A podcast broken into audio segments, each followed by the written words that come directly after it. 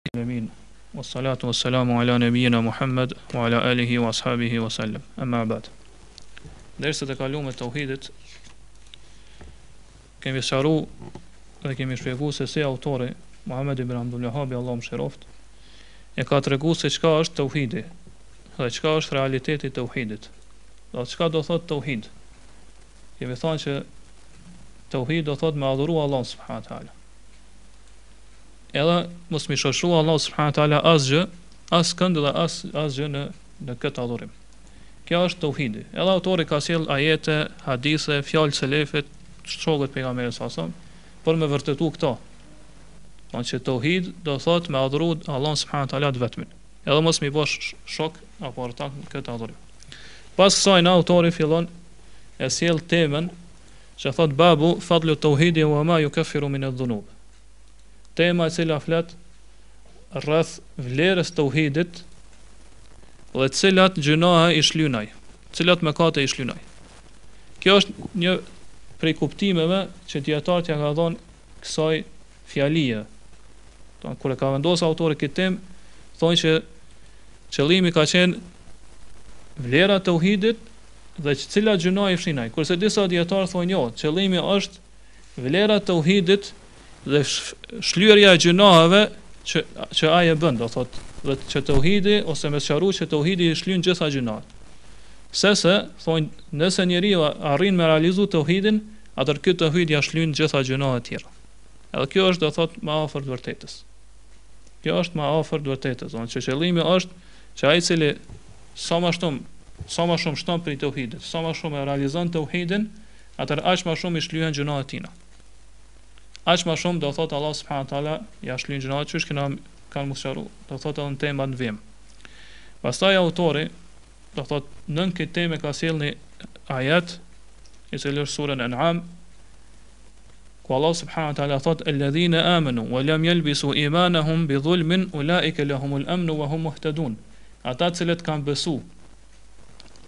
edhe imanin e tyne, besimin e tyne nuk e kanë përzi, nuk e kanë përzi me dhulm, me padrejtësi, ata do të arrijnë sigurinë e plot dhe do të jenë të udhëzuar.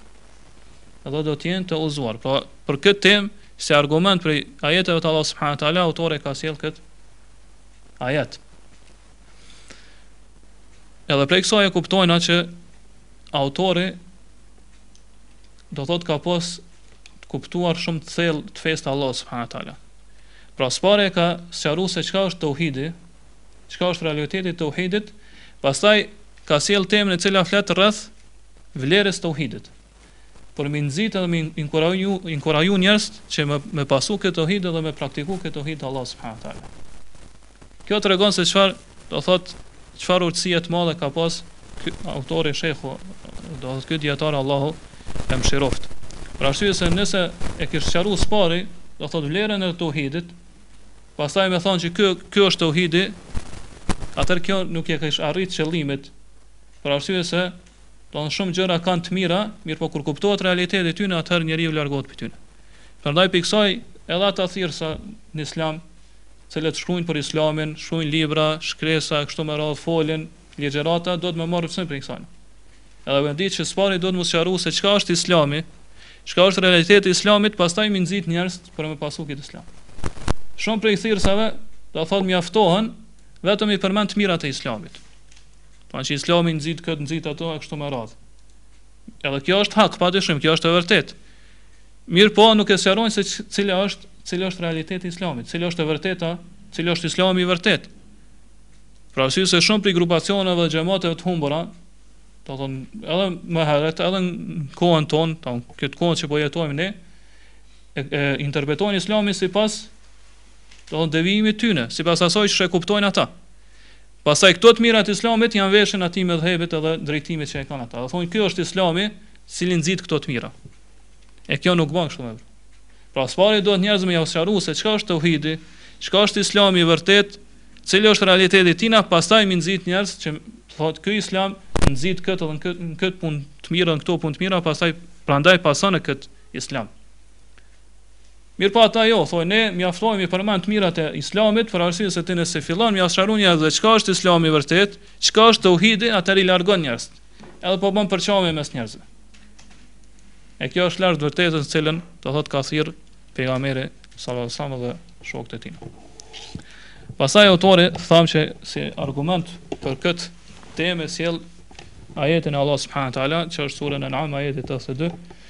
i cili thotë alladhina amanu wa lam yalbisu imanahum bi dhulmin ulaika lahum al amn wa hum muhtadun ata të cilët kanë besu edhe këtë besim tyre nuk e kanë përzi me padrejsi ata do të jenë do të arrijnë sigurinë e plot edhe do të jenë të udhëzuar Kët, këtë ajet Allah subhanahu wa taala sjell pas debatit apo polemikës që ka qenë mes Ibrahimit alayhis salam dhe popullit të tij.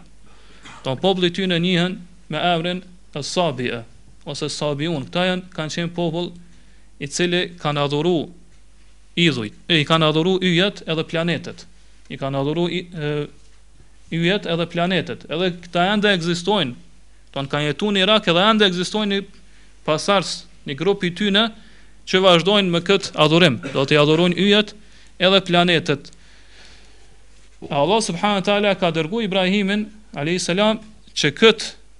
mi thirr këta kët popull në tauhid edhe me jau refuzu kët shirk që kanë bo ata asnjë musliman nuk ka qenë kohën e Ibrahimit alayhis salam përveç tina domethënë vetëm ai ka qenë i vetmi i cili i ka thirr njerëz në tauhid edhe do thotë ja ka, ka kundërpërgjigj dhe ka refuzu kët idhujtarin cilën kanë qenë populli tina E këtë Allah subhanahu wa taala e përmend në Kur'an në disa vende, domethënë ngjarjen e Ibrahimit alayhis salam ose polemikën e tina, debatin e tina me popullin e tina. Pra Allah subhanahu wa taala së pari përmend që Ibrahimi alayhis salam ka fillu me i bo davet babës tina. Ku thotë wa idh qala Ibrahimu li abihi Azara atattakhidhu asnaman aliha. Thotë përkujto kur Ibrahimi i dha i tha babës tina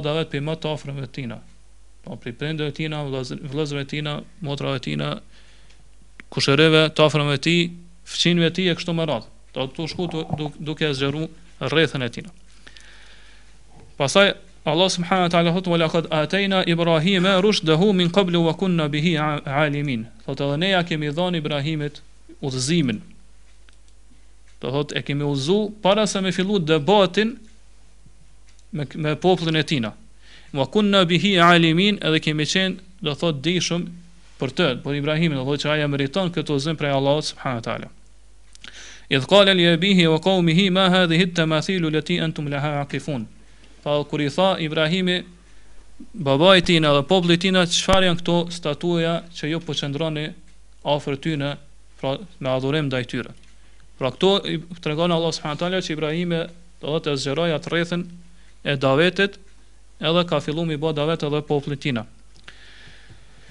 Pasaj Allah subhanu ta'ala thot, wa kedhalike nuri Ibrahime melekutes semavati wal ardh. Kështu thot ne, ja mundësuam Ibrahimit mi pa ato sundimet e Allah subhanu ta'ala që janë n'tokë edhe në qiell.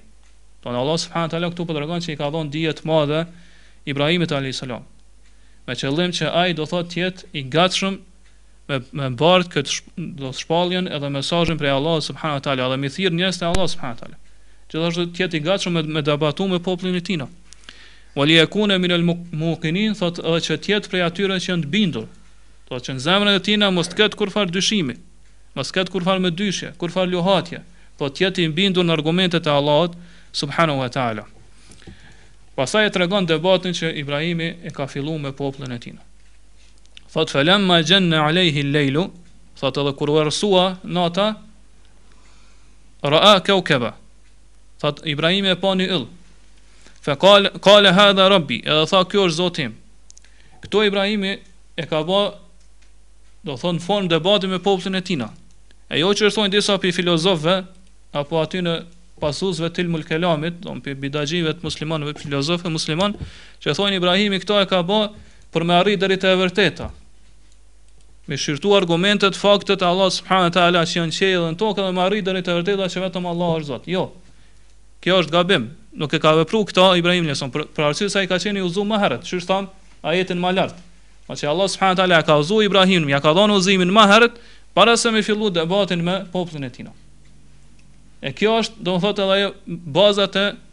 te ehlul kelami, don këta që besojnë filozofi prej muslimanëve, ose islamin mundohen me interpretu përmes filozofisë.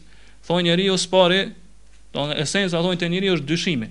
Pasaj duke shiku në argumente, në faktet e Allahut subhanahu teala që janë, në ajetet e Allahut që janë qiell e tokë, arrin deri te bindja që Allahu është krijues. A është, do me thonë, në islam është e kundërta, që esenca te njeriu është imani, besimi. Pasaj, në baz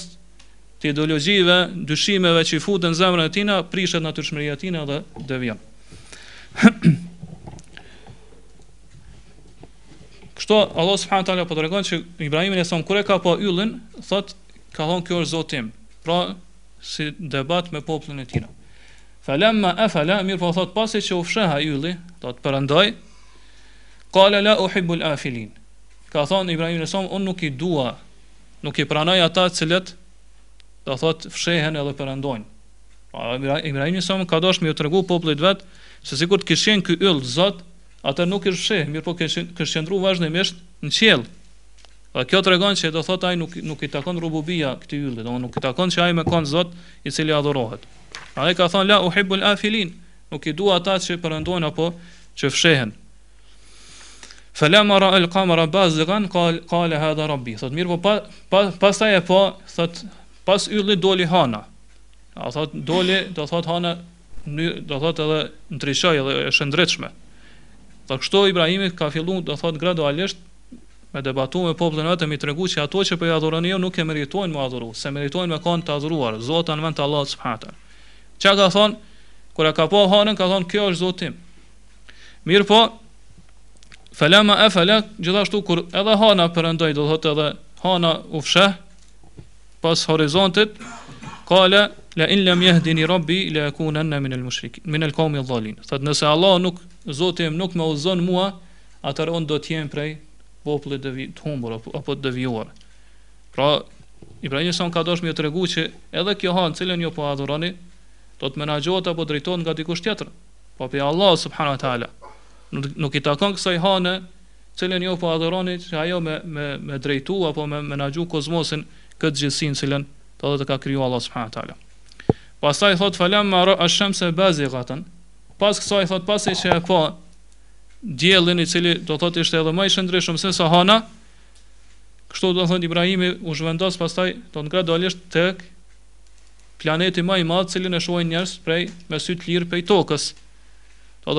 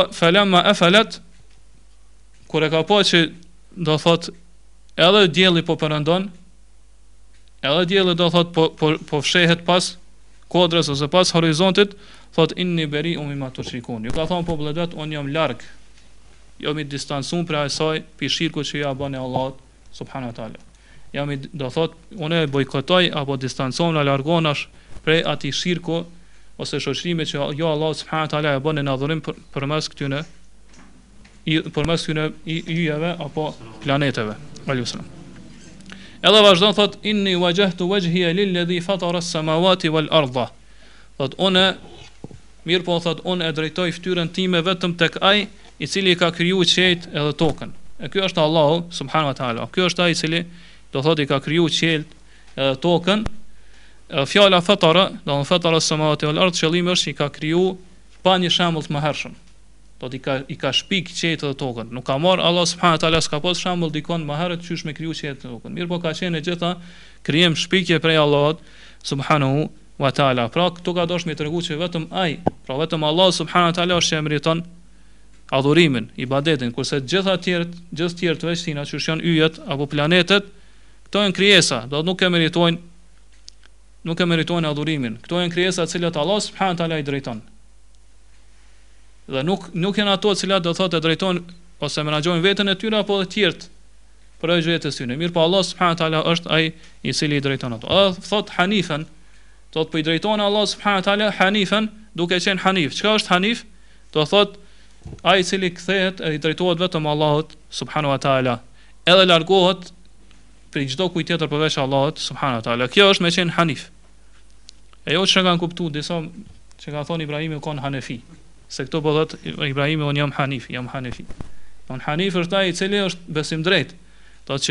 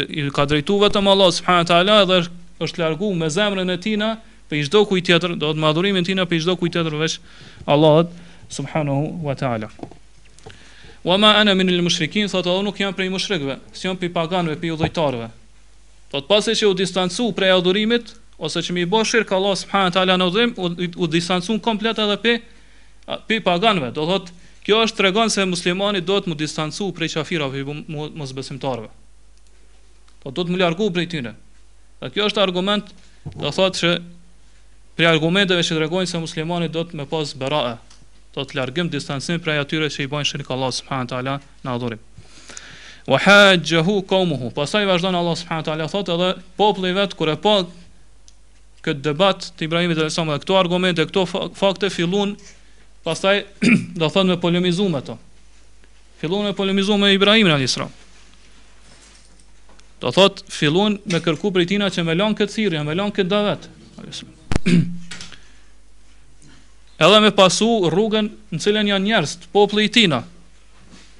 Ose qysh thojnë tash me ecë me kohën, krejt njerëz janë në këtë devijim këtë dalalet atëher edhe ti shko pas tyre. Kështu i kan thënë edhe Ibrahimit alejhi selam, qysh veç ti i vetmi po kundërshton krejt një popull, bile po kundërshton edhe baben tënd. Edhe fillun do thot me friksu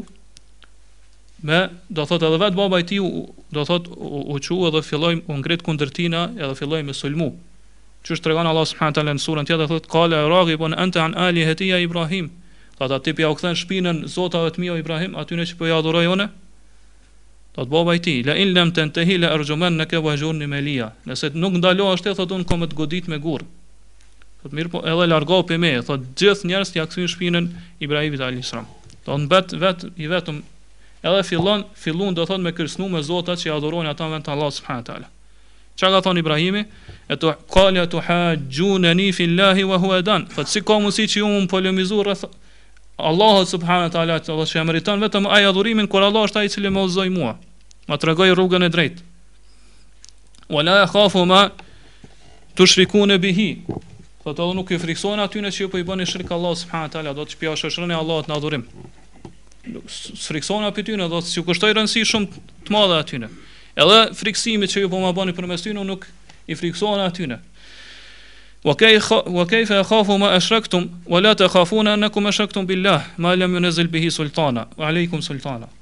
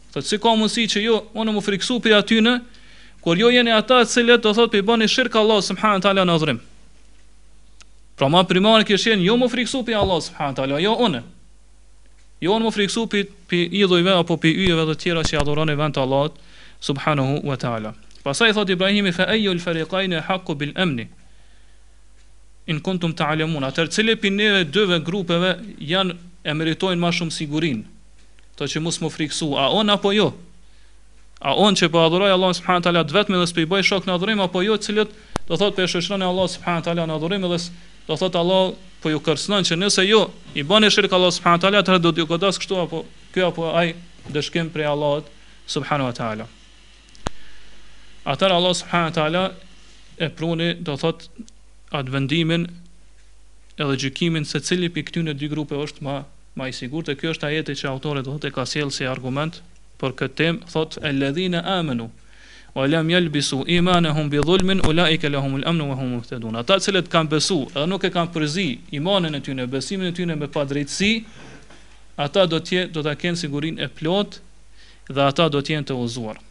Do thot kjo është gjykim vendim prej Allahut subhanahu wa taala. Edhe kjo është e përgjithshme jo vetëm për popullin e Ibrahimit alayhis salam, por për çdo kënd, deri në ditën e gjykimit. Do çdo kush duhet duhet me njësu Allahun subhanahu wa taala dhe me adhuru sinqerisht vetëm atë, jo me i bë shirk Allahut subhanahu wa taala. Pastaj ka thënë ata të cilët besuan edhe nuk e përzin, do thot nuk e dobësuan atë imanin e tyre me me dhulm me padrejtësi. Çka është qëllimi i dhulmit këtu padrejtësisë? Këtu dietart do thot kanë janë nda në dy mendime. Disa thonë që qëllimi me dhulm këtu është shirku, qysh ka ardhur në hadithin e Pejgamberit sallallahu alejhi wa sallam, që kur ka zbrit ky ajet shumë prej sahabeve ju ka ardhur vështirë. Ka thënë fa ayyuna lam yadhlim nafsahu ya rasulullah. Cili prej neve nuk i bën padrejtësi vetes tina? Do thot ata e kanë kuptu që padrejtësia në kët do thotë që ndalon ti për me arrit sigurinë ose me qenë i uzuar është e përgjithshme. do thotë i përfshin edhe shirkun edhe gjynahet. Kjo është një prej mendimeve dietarëve, do thotë që pastaj pejgamberi sa sa ka thonë lejse ledhi ta'nun, nuk është kjo atë për çka e keni për qëllim. Innama huwa shirk. Mirpo qëllimi n'kët ajet me padrejtësi është shirku në Allah subhanahu wa taala. Pra këta dietar duke u bazu në këtë hadith pejgamberi sa sa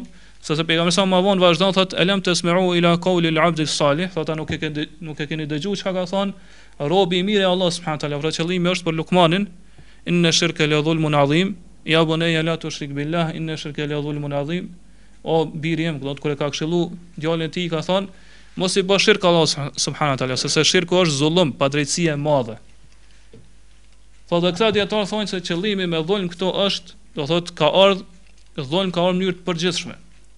Do në gjuhën arabe kur vjen një fjalë e pashqume, edhe vjen në mohoren, do thot ata cilët nuk i kanë ba padrejtësi, nuk e kanë përzi, do ka ardhë n'mohore, nuk e kanë përzi imanin e tyre me dhulm, me padrejtësi. Atër kjo tregon përgjithsim. Mirëpo përgjithsimi do thot te dijetarët e usulit është tri lloje.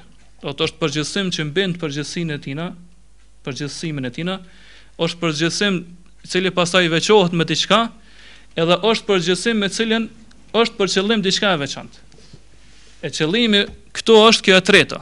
Do të thotë ka mënyrë të përgjithshme, mirëpo për qëllim është diçka e veçantë, ajo është shirku ndaj Allahut subhanahu wa taala. Prandaj këta dijetar thonë që ata të cilët nuk i kanë bërë shirk Allahut subhanahu wa taala, as shirk të madh, as shirk të vogël, as shirk të fshehtë.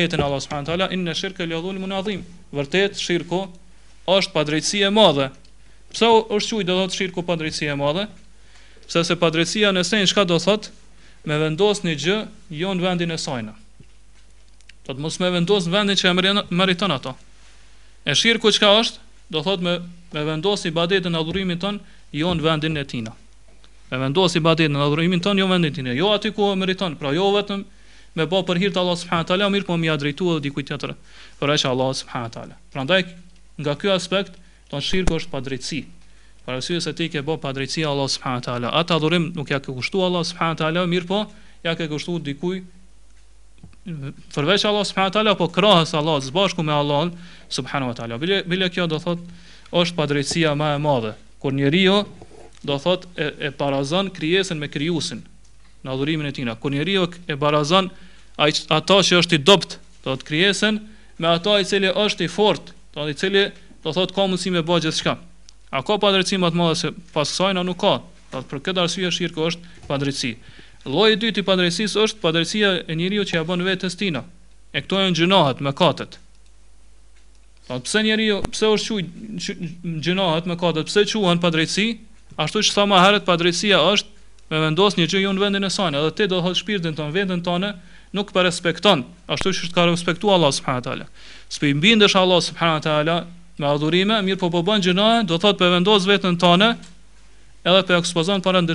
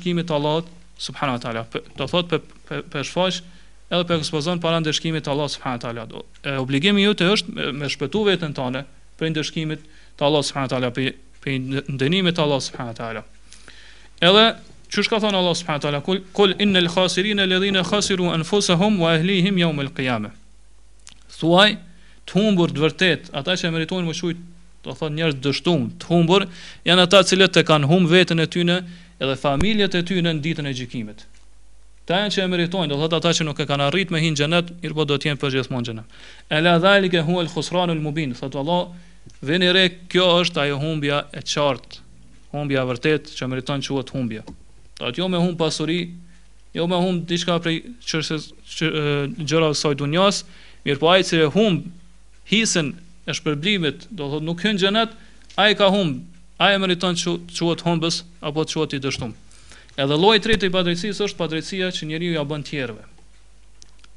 Do duke ja marr pasurinë, duke i përgoju, çfarë thamë ma herët, duke i bë nemime, duke përhap fjalë mes muslimanëve, duke bërë përçarje mes tyre, duke ja vjedh pasurinë ose duke i sulmu ata, do thot duke sulmu nderin e tyre, apo duke sulmu pasurinë e tyre, duke shpif për ta, duke i përfol ata e kështu me radhë.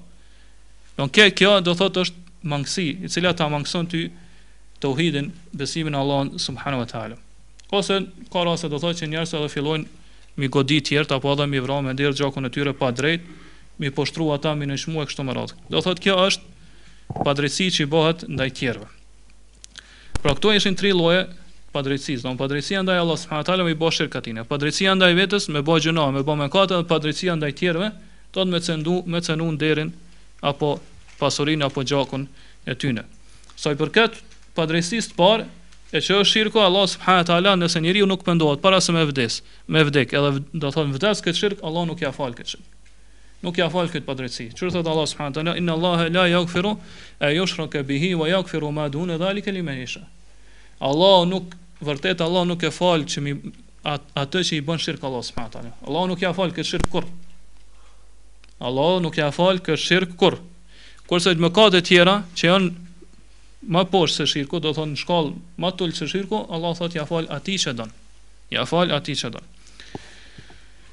Kurse sa i përket padrejtësisë që njeriu ja bën tjerëve, zullumit që ja bën tjerëve, atëherë Allah subhanahu wa taala nuk lën asgjë prej kësaj padrejtësisë pa ta kthy ashtu siç e meriton, do në ditën e gjykimit.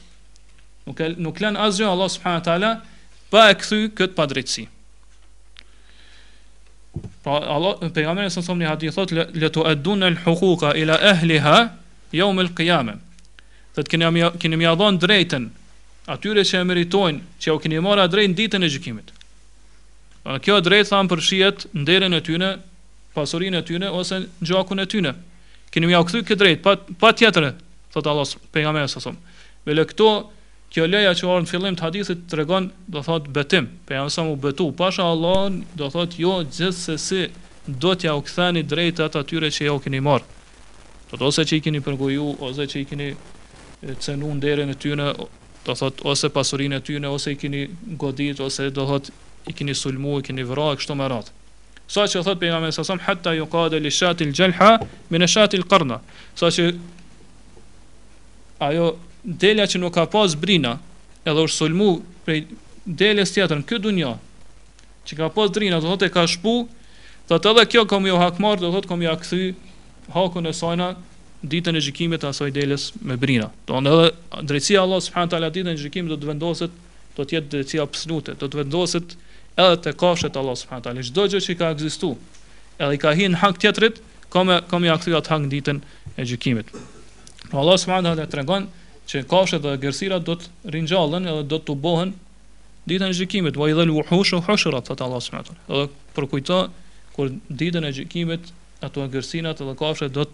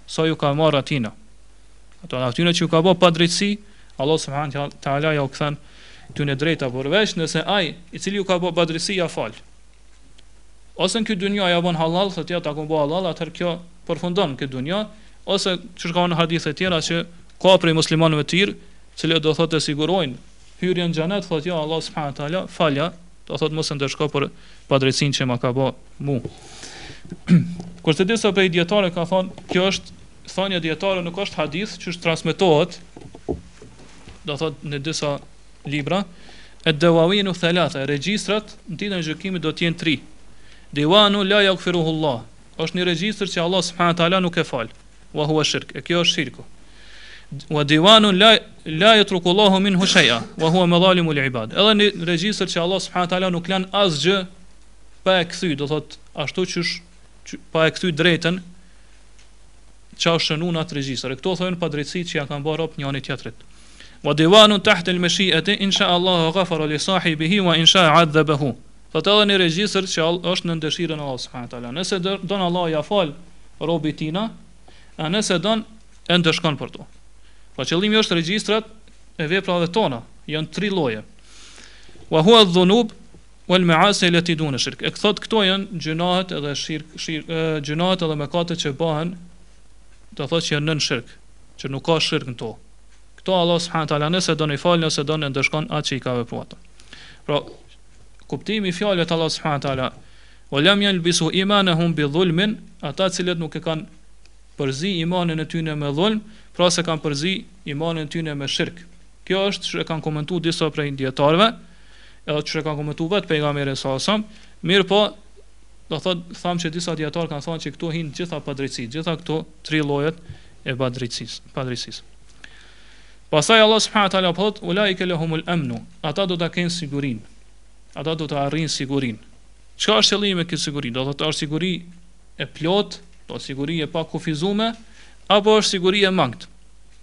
Po do të është siguri e plotë që ata nuk do të ndëshkohen kurr pe Allah subhanahu wa taala, apo do të është qëllimi për siguri, do thotë që është e mangët. Kjo është çështë e sqaruar më herët, varet, do thotë prej dy tefsireve që ja kanë dhënë dietart. Po nëse ai e ka e ka realizuar tauhidin, se qëllimi me realizimin e tauhidit, to është vlerën e tauhidit, është do të thotë tri llojet e tauhidit. Nuk është vetëm lloji i tauhidit që është në uluhia.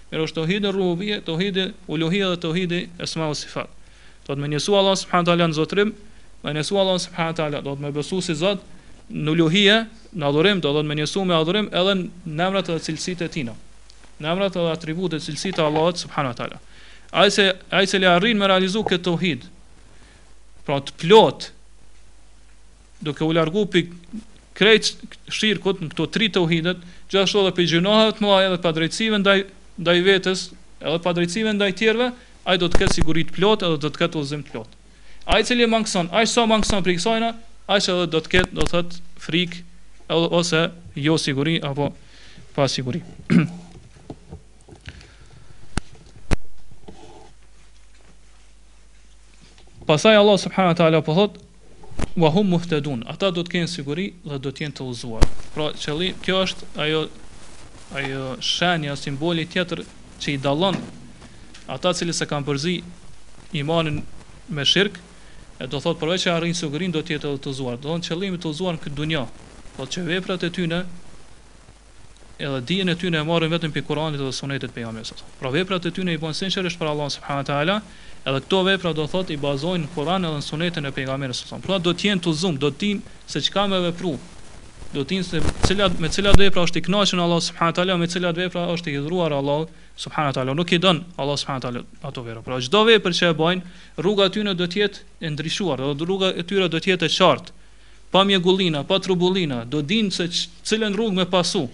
Kjo është ai i cili do thotë Allahu subhanahu wa taala, do thotë shpërblimin e dytë që ia jep këtyre njerëzve është që ata do të jenë do thotë të udhëzuar. Ata do të jenë të udhëzuar në këtë dunja, po do të jenë të udhëzuar edhe në ahiret. Po disa dietar kanë thënë që siguria është qëllimi për ahiret kurse udhëzimi për këtë dunja.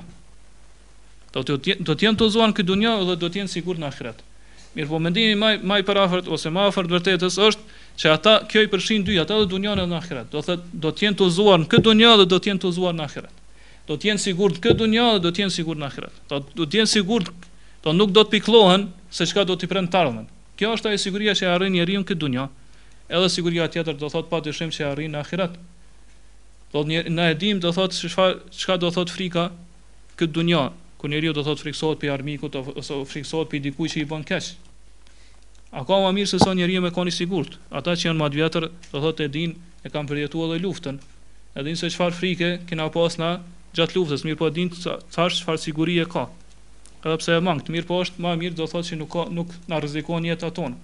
Atëherë çysh çfarë Do thotë, njeriu me këto duhet me krahasu se çka do të thotë me kanë i sigurt në Ditën e Gjykimit prej zjarrit të Xhehenamit.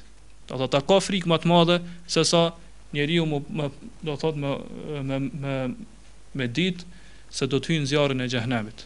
Ose, ose përkohësisht, ose do të hyjë përgjithmonë. Varet prej shirkut apo prej adhurimit që e ka bërë ndaj Allahut subhanahu wa taala. Pra këto janë dy